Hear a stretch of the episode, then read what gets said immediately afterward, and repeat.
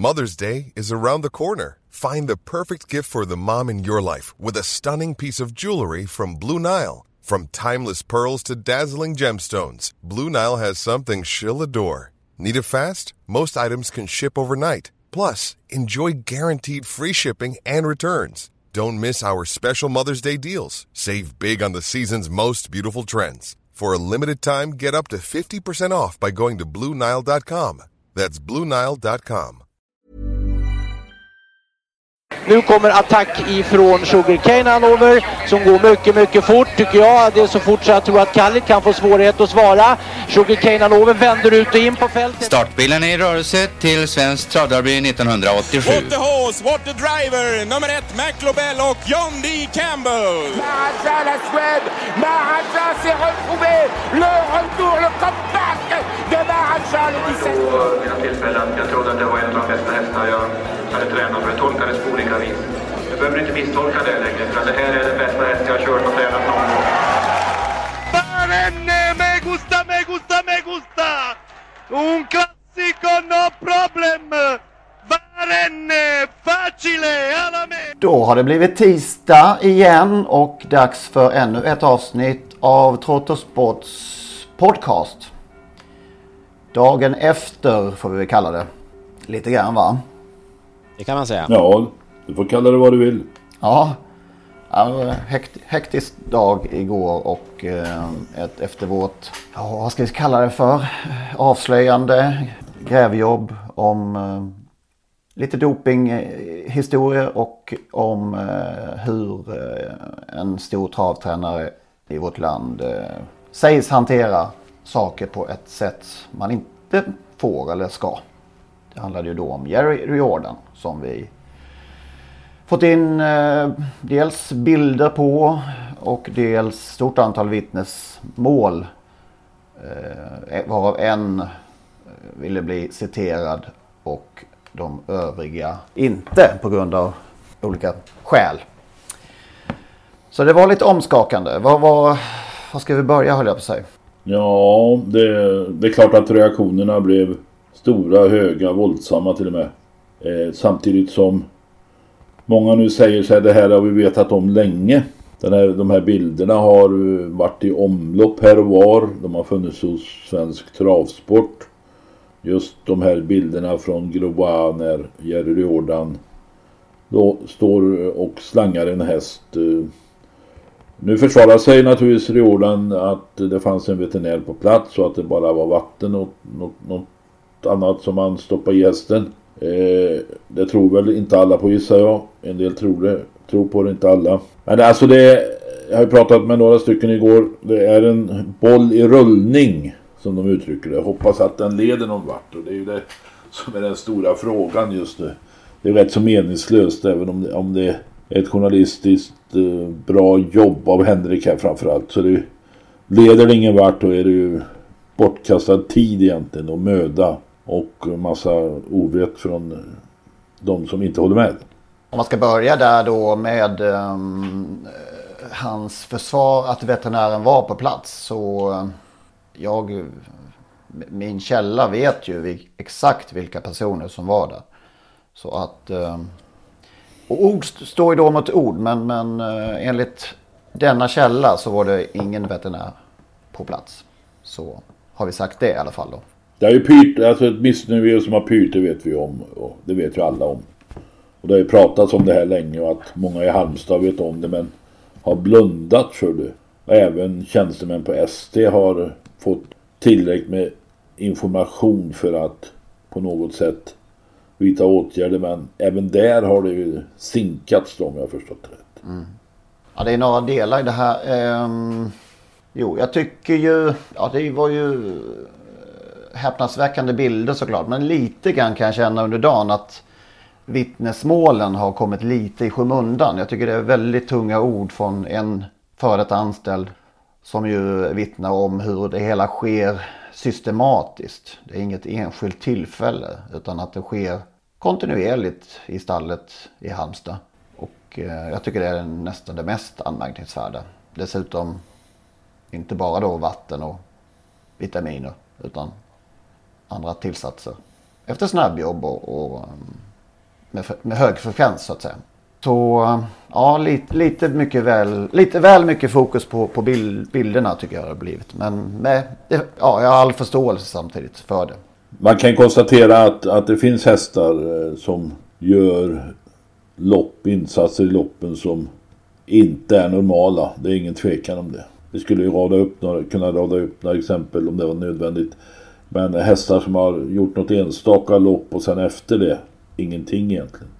Ja, det är de här ojämna prestationer generellt som man alltid ju höjer på ögonbrynen. De har ju egentligen gjort också i, i många år, men, men att hästar kan att samma häst kan vara så oerhört ojämn i sina prestationer. Det är ju det är svårt att hitta något, något liknande i någon annan sport, i något annat sammanhang egentligen. Antingen är man ju oftast bra på något eller så är man inte så jättebra på något, men det är ju sällan man är tokbra ibland och jättedålig nästa gång.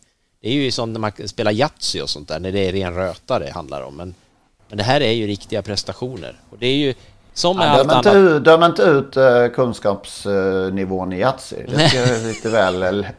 Det finns, eh, det finns ändå bra och dåliga upplägg även där också. Och det gör det, för, för, att inte säga ja. Maxi Yatzy där man kan hålla på och spela lite också. Nej, men jag tänker på det, jag tänker på just på det att som, som allting då i det här då så ska det ju ändå bevisas eh, och det är ju väldigt svårt för, för trottosport att, att ta på sig hatten att bevisa det här. Om det är någon som ska göra det så är det ju ST och det är ju här man undrar nu vad, vad har man gjort och vad kommer man nu att göra? Om det är någon som ska kunna göra det och måste göra det så är det ju svensk travsport själv. Så är det ju. Sen skadar det ju inte om, någ, om det finns människor där ute som orkar kliva fram och berätta vad de vet eh, i ännu högre utsträckning då. Det har inte varit lätt att få människor att tala ut kring det här. Där det då förekommer, sägs förekomma hot och, och andra otrevligheter runt saken dessutom. Så det, ja, det är ganska obehagliga veckor har det varit och, och jobbat med det här. Så jag hoppas inte att det stannar, verkligen inte. Så att, eh, Alltså man skulle ju som man gjort i USA kunna koppla in polisen ja, det är ju för det, det, är det som är det obehagliga. Att, att, att den här härvan som, som nu plockades fram i USA. Det är ju in, finns inga positiva dopningsprov att, att peka på. Utan de har bara blivit fällda på grund av avlyssning. Det är ju jäkligt obehagligt alltså. Att de är så pass mycket före och har, har den kunskapen så de vet exakt vad, hur ja, de ska. För att den, den moraliska gränsen för de som fuskar jag säger inte vilka som fuskar utan de som fuskar. Den går ju först vid avslöjandet. Mm. Inte förrän då så har de nått sin moraliska gräns. Mm. Det var hopplöst eh, frustrerande för, för de som ändå är rena att bli slagna av hästar som kanske inte då är det. Det måste vara enormt. Det såg vi ett exempel på här i, för ett par veckor sedan när, när Konrad Lugauer då fick sitt berömda eh, utspel.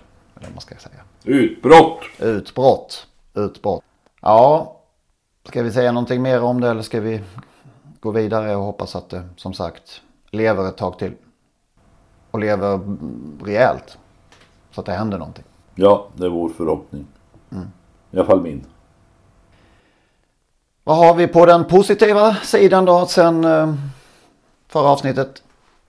Svårt att nästan eh, ta sig in i den. har en sån klump i magen jag haft hela dagen. Eh, eh, så det är svårt att riktigt tända till på sporten. Tyckte det var lite kul i lördags när Stefan Persson som har haft det jäkligt trögt i V75 under hela året. Det var ju många lopp utan han hade vunnit. Och så vann han båda de avslutande avdelningarna där. Det var ju lite kul. Mm. Och det var kul att den här Moses som är lite ojämn har jag för mig.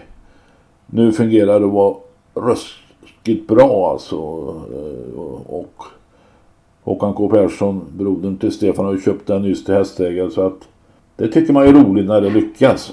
Mm. Brödrasuccé där helt enkelt. Ja, ja. Och, så, och så fortsatte han sen med Hipsteram, där heter den va. Nej, det tyckte jag var kul i lördags. Sen har jag söndagen där har jag sett för lite. Jag hade lite annat för mig på Breeders Crown semifinalerna. Så där eh, Där är jag offside. Ja, det var ju enormt uppiggande i all denna bedrövelse i alla fall att se kära Honey Meras Åh! Ja, hon är ju så eh, gudabenådat eh, förtjusande alltså. Vinner de finalen också? Ja, jag vet inte vem som ska kunna... Nej, hur ska hon kunna förlora den? Det är väl den, den frågan man måste ställa sig. Eh, hur ska det gå till för att hon inte... Tyckte hon såg ännu finare ut nu. Nu var det jättebilligt, så, eller Ja. jättebilligt men ganska billigt. Och det, det är klart att hon skulle kvasta undan där men eh, hon såg ju enormt läcker ut alltså. Jag skulle säga det, jag gillar ju verkligen eh, 50 Cent Piece. Eh, har ju lyft henne flera gånger och eh, så det blir ju det blir Henriks häst mot min, men jag, jag tycker väldigt mycket om Honey Meras också. Eh, Robert Berg, eh, det var ett spännande lopp med Robert Berg där. Han blev ju fast, eller han hade ju innerspår och kunde ju inte försvara sig där riktigt utan försökte ju ta sig ut emot Kevin Oskarsson en, en bra bit där och de gnuggade hjul och det var, ja, det såg ju ut som att han tänkte fullfölja det där men han gav sig ju, så istället la han sig på rygg och drog, ja, backade runt allihopa. Alla såg ju loppet och sen tryckte han ju gasen i botten och jag tycker nog att han körde bort henne lite grann där och bjöd in Loaded Maria. Eh, men jag, jag har så svårt att se hur 50 Cent Piece ska kunna eh, jag vet inte, Hanni Maras skulle ju behövt gjort bort sig med galopp och ta, kvala in som sista häst och fått spår 12 eller något sånt där för att det skulle bli spännande. Nu, det, det luktar ju spets. Jag förstår inte hur man ska slå Hanni Maras. Det är ju det. Hur ska Ja, man men om, om man nu är ute efter spänning då tycker jag Rydén kunde valt Sport 12. Ja just det. Ja, precis. Ja, allt, allt för publiken. Nu när hon har fått bra spår för en gångs skull då kommer hon naturligtvis att, göra bort sig. Antagligen. San Motör har gjort bort sig några gånger. Får han sin storloppsseger nu? Ja, hur ska han slå Önas prins? Det funderar jag på. Hur ska han kunna slå Önas prins? Alltså, ser ju bara bättre och bättre ut. Det var ju... Hur mycket hade han Vilken kvar? har, vem har nu bäst spår av dem? Önas prins hamnade ju invändigt med spår 3 då. San Motör spår 4.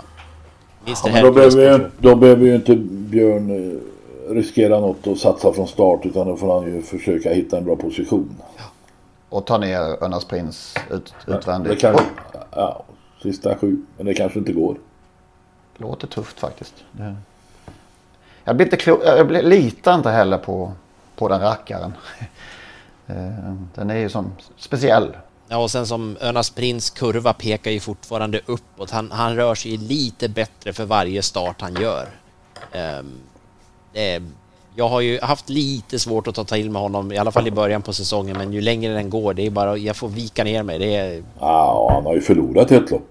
ja, precis, och det var, det var ju mot en, en skräphäst. Ja. ja, spännande nästa helg då i Eskilstuna, Sundbyholm som ju som vanligt arrangerar finalerna där. Ja, det, är många, det var ju mycket igår, eh, där på söndagen på, på Valla där, alltså bortsett då, om vi ändå nämner Örjan Kihlström, jag vet inte vad det stannade vid. Kvalade han in nio hästar eller var det ännu fler? Jag, det kändes som Jo, att han, jag tror alltså att han kvalade in nio om jag hörde rätt. Ja. Nio, av, nio av 44. Är det så? Och hur, han kunde väl egentligen Nej, inte kvala in så 12, många fler. 24, heller. 48. Ja, Körde han alla, körde han alla 12 loppen? jag minns faktiskt inte det. Eh, Men alltså 48 hästar är klara för finalen och Örjan har. Se till så att nio utav dem. Ja, det Ja, det är- eh, Det är rätt så. Kan det vara ett, eh, det borde vara ett rekord. Ja, det tror jag. Det vem skulle ha kunnat slått det? Nej. Bara han själv i så fall. Alltså, just de dagarna sover han inte i alla fall. Nej. Som han ibland beskylls för. Ja. nej, han missade väl. Ä- Och ändå, ändå var ju någon eh, struken då. Brambling var ju struken så han körde inte alla lopp. Han missade ju med två va? Ba- Bankwise As och Erin Sett. Tänk att vara de två, nu sett spelar ju kanske ingen roll där, men var den som, det, det här var den enda jag brände. Ja, ja, det, Ja, man ska inte skratta. Det är, det är tufft för dem, det, det var inte så. Men, men, eh, nej. nej, men som sagt, om man, då, om man nu ska bortse från Örjans eh, insats där, eller prestation, det är svårt att göra det, så, så var det ju flera hästar som, som eh, var bra igår. Det var ju, men då, man kom in på Örjan igen då, både då naturligtvis Francesco Zet som, som slog, efter, fick ju ett bättre lopp än den här eh, Jörgen Westholms Global Concept som ju gjorde ett fantastiskt lopp också, men det, var liksom ändå inte hårt kändes det någon gång och, och när man lyssnar på Daniel efteråt så Francesco Zet hade de ju tagit ner inför den här starten. Det var liksom inte det var ingen maxläge nu utan man kan bara fatta hur bra han kommer att vara i, i finalen om, om de får till upplägget rätt där. Han såg ju jättefin ut. Troligen kan man tänka sig sista starten för året. Det kan man ju, kan man ju tro. Så att, äh, det blir ju fyra Om det inte är Solvalla Grand Prix kanske också. Eller har det kört? Man kan inte hålla reda på storloppen nu för tiden. Nej, det, det, det finns så många lopp har vi ju sagt. ja, det är så många lopp. Ja, skit, skit i det. Hur gick det då för Big Nine? Ja, ja, där var jag snett på det. Du frågade mig, Henrik tror jag, fredag kväll eller lördag morgon. Och jag sa... Mm. Jag räknade lite hur omsättningen var då jämfört med V70. Det var ju ett korkat eh, sätt att räkna. Då, ja, då kände jag att det, det blir nog 9 miljoner. Men eh, det blev ju inte mer än styvt hälften. Ja, en bit under fem va? Ja, det var runt fem där. Ja. Du är självkritisk här. Ja, alltså jag ska inte hålla på och gissa på omsättningar. Det är inte mitt jobb. Och, men eh, men nog, nog hade jag trott på, på 10 miljoner. Det tror jag de flesta hade trott. Det är inte de första som, som säger det. Men det är bara att hålla med dem som redan har konstaterat att vi får se det som en flopp. Ja, men samtidigt en fluga gör ingen sommar eller något sånt där va? Nej, men man får bara en chans att lansera. Eller? Vad kan det heta det? Ja, alltså det var ju en våldsam lanseringskampanj och en enorm redaktionell satsning eh, som var inte är gratis gissar jag. De hade utsända runt alla fotbollsarenor i hela världen kändes det som. Det är den mest absurda, den mest absurda utsändningen jag har varit, jag tror jag har varit med om. Att skicka en reporter och stå utanför Stadio Renato Dallara i Bologna. För att lansera Big Nine. Alltså, med något mer omotiverad utsändning har jag aldrig varit med om tror jag. Nej, men, att tro... men det var väl kul för honom att åka Ja visst. Va? Att tro ja, att det där... Du ska inte vara missunnsam. Jag skulle också Nej. vilja stå utanför eh, stadion i Bologna i alla fall en stund och sen gå och sätta mig på någon trevlig krog. Ja, det är väl därför jag eh, säger så här. Jag, bara, jag, är bara avundsjuk. Ja, men jag tänker så här, alltså, man har i alla fall inte brist på pengar om man tar den typen av, eller gör den typen av prioriteringar. Det har man ju definitivt inte. Det, det blir ju, alltså det, på, på söndagen hade man ju dessutom ett efterinslag där som dök upp på ATG live där man gick igenom omgången efteråt då, match för match och prata om, om varför det blev som det blev och, och så vidare. Man följde upp Big Nine och jag tänker alltså det, det är inte spelstimulerande för fem öre och, och, och jag, jag, jag, gav mig på att prova faktiskt. Man ska ju, måste ju testa. Ja, jag också. Ja. ja. och jag kände fasen, det här kan ju jag kände ju efter en kvart. Det såg ju riktigt bra ut. Jag låg bra till på alla möjliga vis och sen, sen när det var klart då hade var jag det innan fem. lagen hade börjat göra mål då? Så du hade Nej, men underspel det, var, Nej, men det, det var ju så här, det är innan hälften av matcherna hade börjat i alla fall. Så var det ju. Underspel efter en kvart. Ja, ja visst. Ser riktigt bra ut detta faktiskt. Sen var det ändå det att man, man sitter där, och det var det jag kände efteråt, det, det är för komplicerat. Det är för konstruerat. Det är ett, ett, ett, spel som bara initierade spelare som kan sitta och räkna på procent och potter och sånt där orkar hålla på med. För det är ju, man ska just där ett kryss två och sen ska man gissa om det blir fler eller färre än två och ett halvt mål för att få rätt. Och det, det, är, det, är för, det går inte Det är de lätta spelen som funkar. Stryktips, Europatips där man kan 1, kryss 2 eller V75 och så vidare. Vem vinner? De andra spelen är för svåra. Du har en poäng där. Det, det, det, det låter kul på, på pappret. Men för få. För ett fåtal kanske. För det, jag tycker att upplägget det... är ganska kul egentligen. Men, men, eh, ja, jag håller med dig Henrik där faktiskt. Nu, jag, nu jag spelar jag sällan på fotboll. Spelar aldrig stryktips som jag inte är med på något system som Magnus gör. Eller Europatips eller sånt där. Men eh, jag tyckte ändå det var kittlande upplägg. Mm. Eh, däremot spelade jag... Jo, jag spelade för 6 kronor gjorde jag. För att testa. Ja, men jag ville testa kupongen. Mm. Det var ju så, jag vet inte om vi sa fel förra veckan, men man kan ju helgardera även då um, över och under. Mm. Kanske... Jag har ju pratat med vänner som håller på och spelar lite hit och dit. Men det, att få dem intresserade av Big Nine, det, det, det kändes besvärligt. Dessutom varje gång du säger, eller någon av er säger, någon annan säger Big Nine, så tänker jag alltid på Big Noon. Ja, just det. Ja, det är inte orimligt. Ja, nej, men det är väl en bra, bra när det ändå är en travpodd det här att vi kan göra den kopplingen då. Men, nej, men jag, jag tänker så här, det finns ingenting i det här som kan lyfta heller. Det blir inte så här att nu provade jag i lördag så ska jag berätta för mina kompisar. Det här var kul för att. Det var ju inte kul. Det finns liksom ingen, det finns ingen trigger som gör att jag vill sprida det här till någon annan heller. Det, det finns, det finns ingen charm i det. Det är bara konstruerat och det blir liksom när man ska sitta där och tänka. Det, det kan aldrig bli folkligt för att använda en... Dessutom tror jag man har missbedömt värdet i budbäraren Ola Wenström som naturligtvis är en ytterst dyrbar bu budbärare. Eh, han, jag tror inte han lockar några nya proselyter till detta spel. Han är Mr Champions League och, och ja, liksom, faktiskt. Det känns, det känns också lite konstruerat. Ja. på något vis. Ja, det kommer ja. väl aldrig att gå. Det var väl bara Loket som kunde bära. Alltså den senaste vi har sett som har kunnat lyfta en spelform, det är Loket. Vi har inte sett någon ja. efter det. Han bar hela spelformen på sina axlar. Han var med i lördags. Jag tittade faktiskt en stund på Bingolotto i lördags. Så jag ville se Leif. Och han, han, han eh, skötte en av dragningarna där. Och talade om för dem hur man skulle läsa siffror. Siffran Bertil 9.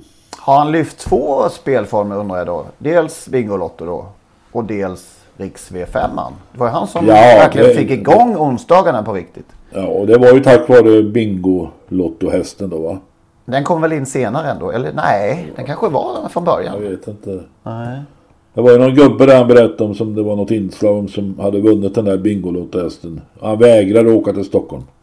Mm. Aldrig i livet att jag åker dit. Men han Nej. fick ta mig tusan dit han. Och hästen vann och han fick nog 165 000. Vad hette hästen? Sogins lillebror. So, so, Lasse Lindberg, den där lille kroppen. Ja, just det. Ja, det är något med sot. Sot sitter och sånt där. ja. Märkvärdigt är man, man, man från en vecka till en annan eh, fortsatte med exakt samma spel och lag till Riks. alltså, det var ju sam, exakt samma ja. i övrigt. Ja, fascinerande. Men tro, tror vi att det inte har någon framtid nu då? Big, no, Big Nine? Ja, det låter ju inte så på, på uh, er två. Nej, jag har svårt att se. Jag har väldigt svårt att se hur, hur, det, hur det ska kunna hända. Det måste jag säga. Mm. Eh, nu är inte jag facit bara för att det inte tilltalar mig, men jag kände verkligen att det, det är som sagt för konstruerat. För att folk ska... Men alltså de hade motstånd i lördags. Eh, hårt motstånd. Svenska Spel saltade väl sin eh, stryktipspott där med ett antal miljoner. Eller det tänkte jag på det, att det var, var det inte konstigt att, eh, att de inte gjorde det här? Ja, det var konstigt. Premiäromgången. Och så den här enorma Bingolottomgången. Alltså där mm. det såldes Bingolotter som aldrig förr i år. Men eh, min hustru var fråga på något ställe. Men det, de hade inga enkellotter kvar. Man fick köpa någon sån här dubbellott. Och då kunde man ju vunnit två bilar i och för sig. Men, eh, så att det var ju det var en hård spellördag. Mm. Jag ska säga också ja. att jag är inte avundsjuk eh, nog för att jag har fantasi, men jag kan inte se att jag någonsin skulle kunna komma på en, en spelform som skulle kunna lyfta heller. Det, jag är inte avundsjuk på de som ändå försöker hitta sätt att ta marknadsandelar. Alltså. Nej, Komma, komma på något helt nytt här Magnus, det måste vi spåna på. Något som kan ta över hela, hela federongen, eller vad heter det? Ja. Till nästa vecka så, så ska vi komma på något. Det, det, det, det riktiga ersättaren. Ja.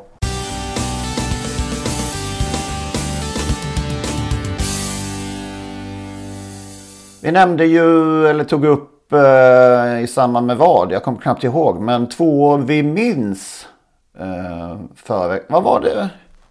Helt tappat varför vi kom in på det spåret. Ja. Ni också. Det har gått en vecka. Starka. Kan ni mejla oss? Vilken ja, mejladress är det vi har Henrik? Veline Bocco var det ju. Som vi eh, då tyckte var en alldeles enastående minnesvärd tvåa. Och sen hade vi ett par exempel till. Vi tänkte att vi kunde kanske styra igång någonting här om eh, fler vill komma med förslag. Det har faktiskt kommit ett par under, under under veckan och efter förra veckans eh, avsnitt. En eh, nämnde Sogin i derbyt mot eh, då, um, vad heter den nu då, i, i uh, Jogi va? Nej, utan eh, Zenit F. Zenit F. Zenit, Zenit F, F ju. Som jag var Peter faktiskt på plats. Peter Johansson, Zenit F. 1994 va? Och En häst som du säkert kommer ihåg. Katinka Rodney i Storchampi- Storchampionatet. Ja, 1982. Grundin. Jag tror hon hade innerspår. Och det var en, en god vän från Skövde här som ägde den där hästen och det, förväntningarna var stora. Hon galopperade från start. Eh, kom tillbaka och var tvåa men eh, Brilana Erik Berglöf vann det där loppet och det var väl Eriks ja, genombrott kanske inte var men det var på något sätt hans han återuppstod efter en, en han var ju egentligen dömd tror jag till livstids avstängning för doping sen tidigare men eh, den stora advokaten vad heter han nu då Henning Sjöström hjälpte honom loss från bojorna Och det är den tidens uh, Silbersky. ja Som, rädd, som man kallade in när man var illa ute. ja så Ja. var det. Ha, Silbersky var väl lärjungen där just det hos Henning Sjöström. Men det, det, alltså det finns många minnesvärda tvåor det är jag övertygad om. Och eh, ni där ute minns säkert era egna minnesvärda tvåor. Så kom gärna med dem och då ska man mejla som du sa men då stödjer jag dig. podcast.trottosport.gmail.com Dit kan man också mejla om man har andra spörsmål i för sig. Och dryfta vad som helst om man har några synpunkter på avsnitten eller oss eller kan tänkas ta upp framöver. Jag måste säga, jag hade ju en tvåa där. Jag, jag trodde du skulle säga den tvåan när du sa Sogin. Eh, Men du sa ett annat lopp. Eh, Jag trodde du skulle mena Elitloppet 1996. När Sogin, Okej. man såg nu kopplar han greppet och sen kom den här cocktail Ja, som, ju, det. som han gjorde allt för att inte vinna med kändes det som. Och så, Ja. Jag, jag, han vinner kände jag, Sogin vinner och då kom. Men det tyckte ju hela Solvalla 200 kvar. Ja. Jag har aldrig nå, sällan hört ett sånt där dån på en travbana som, som när han kopplar greppet där och alla tror att han ska greja där. Han var ju väldigt populär där på eläktaren, eh, Sogin. Och, och, och Åke Svanstedt. Och sen kom ju då den här fantastiska fransmannen längst ut. Men eh, Ja, ja. Det var en Persson det. som hördes mest av alla på Valla då kanske. Ah, det vet jag inte om det var men jag hördes nog. Ja, vad var det du fick? Det var fyra gånger och sånt där. Var det inte mer ändå? Nej, kanske, var mer. Han gav 4 och 33. Okej. Ja, in, in med minnesvärda två år. Ja, alltså det, ja, ni är välkomna. En, en minnesvärd tvåa som sen blev etta är ju faktiskt Gigant Neo. Ja, 2006 eh, Prix d'Amérique. Då hade han varit tvåa i Prix d'Amérique. Året innan mot Jag de Beloevel. Och sen blev han tvåa igen. Trodde vi. Och vi trodde det länge. men Så kom då dopingavslöjandet att Jag de Beloevel hade varit dopad och Gigant Neo fick den där segern. Då kan man ju undra hur stod det till året innan när Jag de Beloevel vann. kan man undra. Eh, blev och vi tar upp det här för att Gi- Gigant Neo har gått till som det brukar heta de sälla jaktmarkerna eller de evigt gröna ängarna. Det är alltid det som skrivs tycker jag. Evigt gröna ja, ängar. absolut. Ja, ja. Eh, men det var ju en fantastisk häst alltså. Jag tror han gjorde 29 eller 30 starter i, i, i Frankrike. ja, jag tror det var Claes Feidenvall skrev att han var den bort, bortglömde stjärnan. Och kanske han har rätt där faktiskt. Ja, och Lite- det kanske beror på att han det kanske beror på att han tävlade hela, hela stora delar av sin karriär just i Frankrike. Mm. Etta, tvåa i Prix d'Amérique, eh, tvåa i Prix de France och så vidare. Va? Och vann Criterium Continental där nere i, i, på franska rivieran och slog Fanny Doll. Nej, det, jag tror faktiskt att det är så han blev bortglömd tack vare att han höll sig på avstånd. Men vi ska ju då komma ihåg segern i Kungapokalen när han plockade ner ganska enkelt stallkamraten och den stora favoriten Scarlet Knight. Ja, verkligen. Det var ju inget annat än regelrätt faktiskt. Jag tror Scarlet Knight stod i typ 11 för 10 Ja, i det loppet. Och som andra handare i Gigant Neo i 7 eller någonting. Jag. det var en långa näsornas dag. Jag ska heller inte glömma hästens debut. Då var jag utsänd på utsänd reporter på Solvalla och skrev referatet. Det glömmer jag inte. Utsänd låter bra. Nej, tog du spårvagnen? Nej, ni har inga spårvagnar. Jag tror jag promenerade, promenerade ja, från redaktionen. Till, Uts, eh, travrond, travrondens utsände. Ja, då när det var det här eh, schabbiga industriområdet i, mellan Valla och, och, och Sundbyberg. Eh, jag tror att jag hyllade honom rejält faktiskt. Att det här kan verkligen bli något. Lite, det var något på spåret redan då alltså? Lite, lite, lite kanske. Ja, jag tror han är den elfte vinstrikaste eh, svenskfödda hästen. Tionde, elfte, elfte tror jag.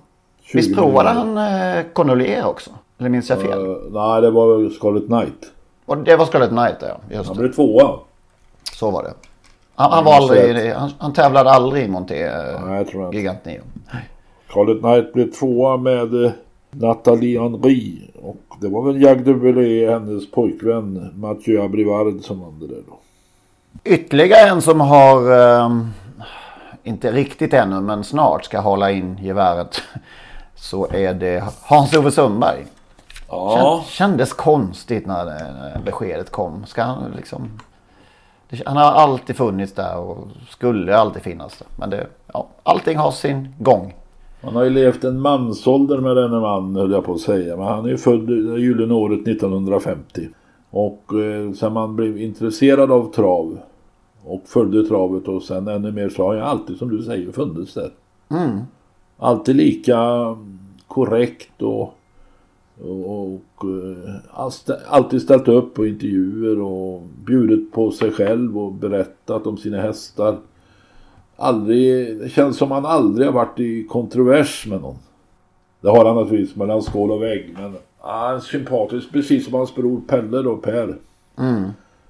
Och frun, frun Rosmarie är väldigt trevlig också. Ja visst. Jädra, jädra par. Född 1950 och vann sitt första lopp som väl var Skandinavisk Grand Prix hette det nog då på Jarlsberg med Royal Scott 1970. Mm. 20 år gammal. Då var han lärling av sin bror Per. Mm. Vi kan väl lyssna lite här på några ytterligare hästar. Charua Forland, Love Matters. Här kommer tre Jairo. Charua Forland, Love Matters på utsidan. Jairo tredje. Charua Forland eller Love Matters däremellan. Evelin och Emmy. Tre, fyra hästar är beredda. Den sista biten in mot mål. Charua Forland! Nummer tre, Calvin Kapar leder i nummer åtta, Royal som är ute i banan. Försöker nummer två, Magnetic Power. Det är nummer tre, Calvin Kapar som sticker undan den sista biten. Nummer tre, Calvin Kapar Stefan Hultman tränar, Hans-Ove Sundberg, det är segergest, det är Calvin Kapar! Men en klar ledning här vid upploppets början för ett Skalets Aino. Ett Skalets Aino har några längder till nio Finders Keepers. Längre ut i banan tio Colombia Necktie. Men det är fortsatt ett Skalets Aino. Där bakom tio Colombia Necktie. Skalets Aino! Där hade vi Skalets Aino. Calvin Kapar som han körde åt Stefan Hultman. Han var ju ordinarie kusk på, på honom hela karriären. Eller stort sett hela karriären va? Ja, det tror jag. Eh, sprintermästaren. Och sen, vilken var det tredje nu då? Charua Foran. Charua Foran ja. Precis. Tre topphästar som han har haft. Bland fler, många flera. Han var ju faktiskt lite lån hyrkusk åt ganska många tränare och amatörer och sådär. Så att han har ju varit uppfattad som en, en väldigt duktig kusk. Verkligen. Jag sa väl det någon gång. Han vann alltid lopp sju eller åtta på Solvalla där till tolv gånger. Jag kan säga han vann även lopp nio en gång på Solvalla och jag tycker ni är alldeles för positiva här. Alltså Hans-Ove Sundberg, han vann ett lopp för mycket och det var lopp nio den 28 juli 1999. Den glömmer han slog inte. av min, den enda gången jag haft chans att ha en vinnare på Solvalla, egen ägd häst. Det var då han körde åt Stig och det gjorde han ju ofta. Eh, men han vann med Atas Rock där, till 19 gånger dessutom. Oh. Jag, jag, var slagen tvåa till 2,80 med min häst Sweet Lady ah, En parentes, det finns inget ont att säga om Hans Ove, men jag tänkte jag krystar fram det där då. Det fanns mm. ingen tvilling på den tiden, tyvärr. Nej, så är det. Ja, men vi kommer sakna honom. Ja, ja, ja som kusk och tränare, men mm. Eh, vi, ska, han, vi ska minnas honom många gånger. Eh, apropå sådär så har vi ju kanske inte nämnt då att eh, han gav eller oddset, vinnaroddset 52,53 1996 när han vann amatörtränare, eller med amatörtränare Cross Stout Storchampionatet på Axel. Just det. Det har ni missat pojkar. Den vill du, där vill du skjuta in. Ja, Alltså. en 50 i Storchampionat, det händer inte så jätteofta. Nej. Mats-Åke Törnqvist hette ägaren som tränade. Och Rodetto, första V65-loppet, det har vi nämnt tusen gånger, men, men eh, så var det ju också.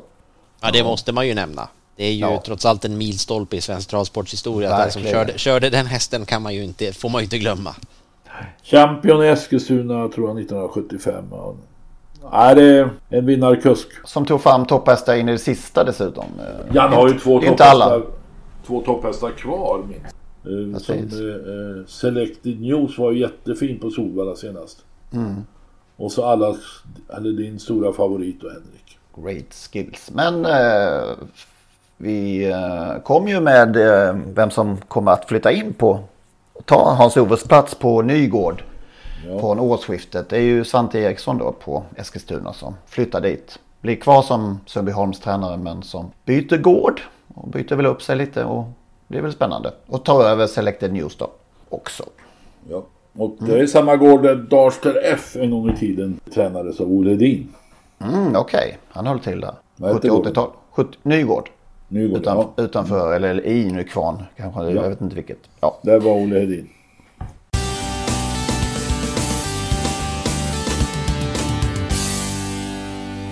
Sen har jag ju lovat på Twitter, jobbigt, det var dumt kanske, eh, att jag skulle motivera varför jag tyckte att en text i Travgaloppnytt var lite anmärkningsvärd i, i, i förra veckan tror jag det var. Det leder texten från Truls G Pedersen. Så jag får väl stå vid mitt kast här.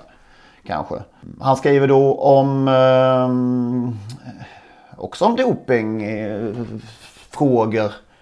Och jag kan väl instämma i vissa saker som han eh, skriver om att, ja, inne på vad många tränare säger i Sverige att, att, att SD inte har räckt till och, och kanske inte alltid velat fullt ut hitta fuskare.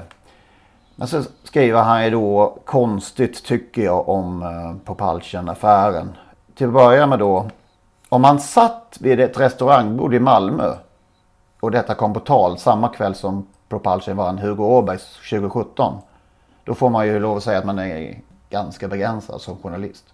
Han verkar ju uppenbart sällsynt engagerad kring saken. Och ehm, att man då inte avslöjar och inte gräver och inte pekar på att noteringen står på Propulsion i Ustas databas. Förrän dagen efter Elitloppet 2020.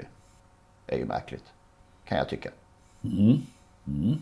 Och då ställer man sig då dessutom frågan när kom, in, när kom uppgiften in?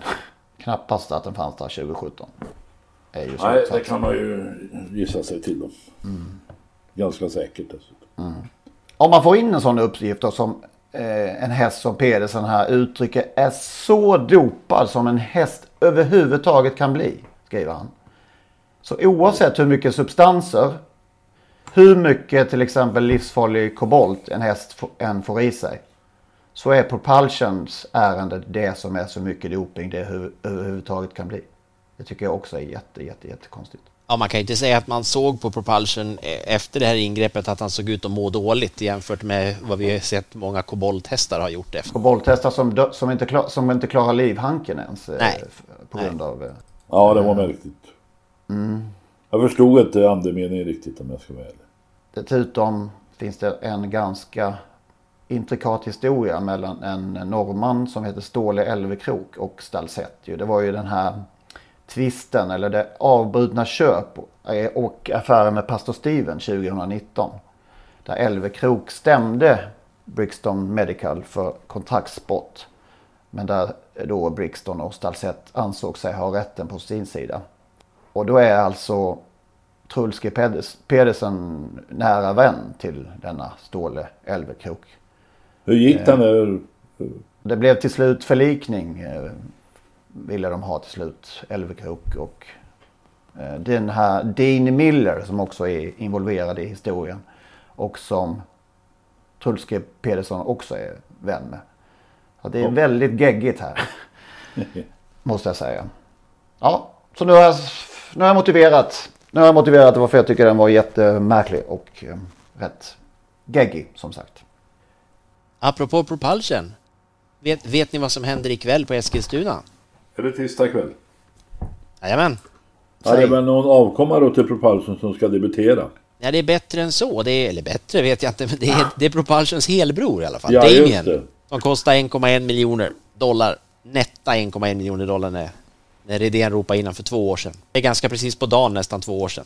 Men det var ju någon eh, avkomma också som vann. Var det i Tyskland jag läste?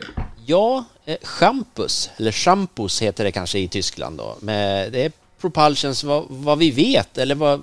Jag vet inte om han hade någon annan, har någon annan avkomma som har vunnit. Men eh, Champus vann i alla fall lopp i Tyskland i helgen. Då är det dags. Finalmente. Det är en jackpot på rätt ställe på lördag. Ja, ska det vara där? Jag tror inte det blir så. Jag vågar inte efter det. Nej, jag efter dagen. nej, jag hukar mig och håller mig hemma tror jag. Ehm, men det är jackpot på Jägers och eh, jag letade upp, eh, eller jag var inne på Jägersros hemsida. Och då hade de ställt en fråga. Vilket är ditt bästa minne av Müllers Memorial? Skriv ner ditt minne, gilla och Jarbeljadi sådär. eh, Skrev de. Då var det någon som skrev. Det är ärtsoppan som var gratis och delades ut till publiken. Ja. Till de som var först på plats. Det är ett minne för livet som man saknas sen det slutades att delas ut. Det är en passning till så, så gott som någon till, till Jägersro att denna uppskattade ärtsoppa eh, inte längre bjuds på. Det var, ja, men det var ju en klassiker verkligen. Ja, svårare än så behöver det inte vara alltså. Nej, verkar ju vara jätteuppskattat. Fram med ärtsoppan igen. Ja. Ja. Det är ju ett gammalt beprövat, det sa man väl, har man sagt länge om det här med bjud på gratis korv på travbanorna så kommer ju publiken. Det, Ja. det är som sagt inte svårare än så. Ja, men just att det var något speci specif ja. specifikt. Ärtsoppan också. hade ett, alltså det fanns ju ett nostalgiskt värde i det där också då. Ja, existensberättigande liksom på något vis. Fint, vackert. Ja, ja. Det blir, verkar inte bli någon ärtsoppa på lördag, men som sagt jackpot då. Eh, Vad är det att, jag menar, om det inte blir någon ärtsoppa så kan väl du delge något minne då av Müllers Memorial som är ditt bästa? Ja, inte Legolas, Legolas ändå. Försökte hitta det. Han det var väl inget roligt lopp kanske, men, men eh, han var ju som mest fascinerad vid den tid- tidpunkten. Så ja, jag säger Legolas. 83 tror jag det var. Legolas 83. Mm. Ni då? Det är ditt Ultimo H2 då. Speedy Magnus Mm. 3. Ja, ni då? 79 Madison Avenue gillar man ju alltid. Eh, och året före 78 Tarrock. Tarrock. Hur kunde han ge 10 gånger? Denna danska nationalidol. Kan det stämma? Tarrock. Eller det var en enastående häst. Men det var många finare på den tiden. Ja, vi kan hålla på länge och då är programtiden slut. Tremblock med blir vidare. Oj, oj. Ja, Och lite, är om, det, tra- lite om Trackpiratens lopp. Han har väl vunnit- ett par gånger. eller ja, man har två år i rad. Han har vunnit- ja, han har vunnit tre år totalt. Trett- 2013, 14 och 16. Johnny Takter två gånger, Erik Adiasson en gång. Nu är det, nu är det, alltså nu kan vi inte hålla på och se bakåt. Nu ska vi se framåt och vem vinner då på lördag? blir det tyst. Men där noterar jag att um, Extrem, eller Extreme kanske, är med igen. Ja, med Urberg i vagnen. Att han kliver av uh, sulken. Ja, kanske. Nej, det, det är nog tillfälligt bara hoppas jag. Mm, det hoppas vi. Ja, men han har väl något annat än lördagen. Ja, Ja, det blir en favorit. eh, kanske den eller Saren Fas. Mm. Ja, det är Ja. det är ett spännande lopp. Vi får se Born Unicorn igen också, från bättre spår. Han satt ju fast i SM. Ja, det blev helt uh, tokigt. Han hamnade ju, fick ju ingen lycka från början och hamnade ju väldigt långt bak där. Var ändå inte stort slagen av Brother Bill, så att han måste ju vara bra, Born Unicorn. Ja. Det, och sen har vi, här har vi, här har vi ett, ett skrälldrag. Upstate Face. SM2 Upstate Face. Ja, intressant. Ja, ett jag intressant tänkte på det. Kan han bli bortglömd? Kan han bli bortglömd, eh, Upstate Face? Han, nu, vi Ja, spelar ju han alltid in så tidigt, men han är ju än så länge väldigt lite sträckad. Kan folk missa honom, tro? Det kommer, det är klart han blir bortglömd. Eller bortglömd, men han, han kanske klättrar lite. Han borde ju göra det. det just, han borde ju vara tidig i det här loppet ändå, även om han fick spår 7. Men, men eh, Ja, fin upplaga tycker jag. Faktiskt. Ja. saknar vi ju det här V75 jubileumsloppet som eh, numera inte finns. Men eh, du har några drag i omgången va, eh, Lennart? Nej, jag bestämde mig för att ha, hamnat snett på det i lördags med eh, Jeppsons häst som var på väg till ledningen så blev det naturligtvis en omstart. Och då kom man bort direkt då. Det var ju ledsamt. Så nu har jag bestämt mig för att leta upp tre riktiga skrällar. Om jag får göra det. Det är ju jackpot som sagt. Avdelning 2. Nummer 8 Al Pacino. Dante Colgjini. Skitläge 600 meter. Men hästen var riktigt, riktigt bra i, i Kalmar senast. Och såg ut att vinna. Men eh, Dante hade spelat ut sina kort lite för tidigt. Speeden ebbade ut och Nugget Zon kom tillbaka och vann. Och den hästen har bara förlorat i debuten och har fyra raka sedan dess. Ja, det sägs ju, han säger ju att det ska vara den bästa han har tränat, Magnus Lindgren. Marcus Lindgren. Ja, och det är ingen, ingen skam att förlora mot den. Ja, målfoto alltså. Då fick den här hästen stryk på målfoto mot Marcus Lindgrens bästa häst någonsin. Det, det tycker jag är bra. Mm. Sen, nu kommer de riktiga smällar. Thomas Dahlborg kommer vinna ett av två lopp. Nah. Men Incredible Wine var ju lite större om i lördags. Fick bra start andra par utvändigt. Sen bytte Dahlborg det till dödens. eh, Och det hade jag lite svårt att förstå i och för sig. Så att han blev trött. Men han fick en rejäl genomkörare. Och eh, på lördag, ja. Han blir inte sönderstreckad. Och i, i vilken avdelning? Eh, femte. Nummer sex. Och sen ska han in och byta häst och kommer ut med Cambria i den sjätte avdelningen. Som eh, var jätteduktig som tvåa bakom Hipsteram senast på Solvalla. Samma Hipsteram som vann V75 i lördags. Cambria. Notera att det är Axevalla hästar som så att säga gäller lite grann. Al, Al Pacino är Jägersro så vitt jag vet. Ja, men de två andra. Ja, det blev Axevalla-hästarna. Ja. Jag noterar att MT Oscar är ute igen efter en liten, liten paus. Det var länge sedan. Ja. Och eh, det kanske är nyttigt att han har vilat lite. Förmodligen. Sen noterar jag, har inte alls läst på, läst på men den här Funny Boy som jag trodde på vid något tillfälle är ju ute igen i V755. Ja. Och just nu på mycket sträckad. Mycket sträckad? Ja, jättemycket sträckad. Ja, det är Nej, en, en, en procent. Okej, ja. Sådär ja. Magnus då, du, din favoritbana? Ja, jag tänkte fråga, fråga er, vill ni ha några vinnare nu? Det, sen, sen måste jag säga att nu ska jag börja prata om dem som jag tänkte radda upp här och då upptäcker jag ju en grej direkt på den jag tänkte nämna i V751. Att det lyser två röda skor nu för första gången på jättelänge. Det var ju tråkigt, men jag säger ändå Eh, ja, det är så. Han har aldrig missat ledningen från innerspår bakom bilen. Han gick jättebra som tvåa bakom Seismic Wave senast. Eh, han är självklart streck, men jag, nu blev jag lite ledsen när jag såg två röda skor. Eh, han brukar ju gå barfota runt om, eh, så det var lite sådär. Men i alla fall, eh, självklart streck. Eh, sen i avdelning fyra, en tysk häst som Magnus Djuse ska köra åt Josef Fansel, Palmyra från springspår i eh, ett diamantstoet försök där. Det är ju eh, Alhambra Mail står 40 meter bakom och eh, den här Miss Moneypenny som Hans Krebas tränar. Men nu får Örjan chansen.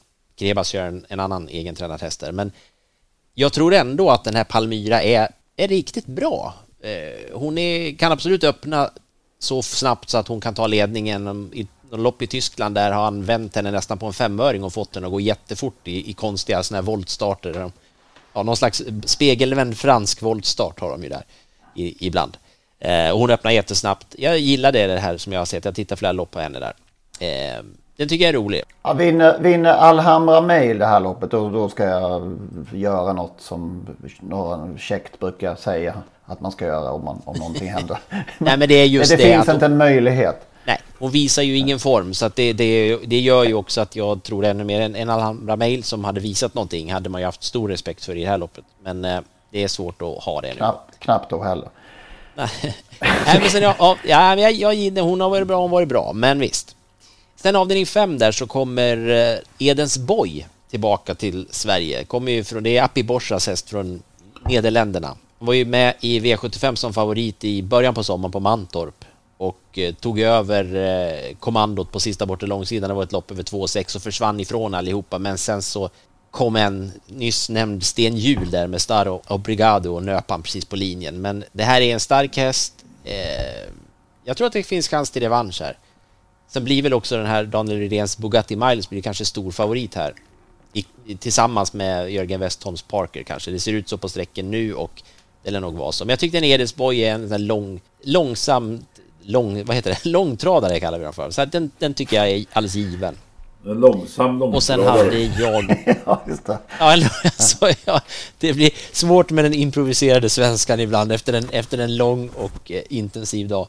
Eh, sen så, vi nämnde ju Born Unicorn. Eh, jag eh, tycker det ska bli kul att se honom. Det är väl inte något drag naturligtvis, inte på något sätt, men, men eh, det ska bli kul att se honom i det här loppet. Och sen som du nämnde där då, eh, Lennart, Upstate Face, det är ju och en av, inte årets häst, men en av de här uppstickarna som har varit spännande att se med en väldig utveckling. Så det blir kul att se honom. Så att för en gångs skull när det är på Jägersro, då sitter jag här och gnuggar händerna lite grann. Och sen kom Lennart med några drag i de loppen ja. där jag inte har hittat något. Så att det här kan ju bli kul faktiskt. Så Henrik kanske kan krydda med något. Ja, ja och, så, och så köper vi på oss ärtsoppa på lördag. Ja. Hade du någon att komma med det Henrik kanske? Nej, ah, jag måste läsa på mer. Jag har inte hunnit riktigt eh, efter detta, allt detta stök som varit. Men det ser ut spontant som en kul omgång. Många derbyhelgshästar som är med, noterar jag. Som man så att säga har sett då. Jag tittar inte på alla travlopp som finns numera, så kan jag säga. Så det är gynnsamt. Nej, det finns ju så många lopp. Det finns ju jätte, jätte, jättemånga lopp. Ha, nästa vecka BC-finaler då. Det blir spännande. Återkommer vi. BC-finaler? Mm. Tyckte du sa WC-finaler. Breeders Crown. Breeders ja, Crown. Ja, ja. Då hörs vi igen. Nu ska jag ta ett glas vin. Jag behöver det känner jag. Ja. Ja. Väl bekomme. Blåsa ut. Ja. Hej. Hej. Hej då.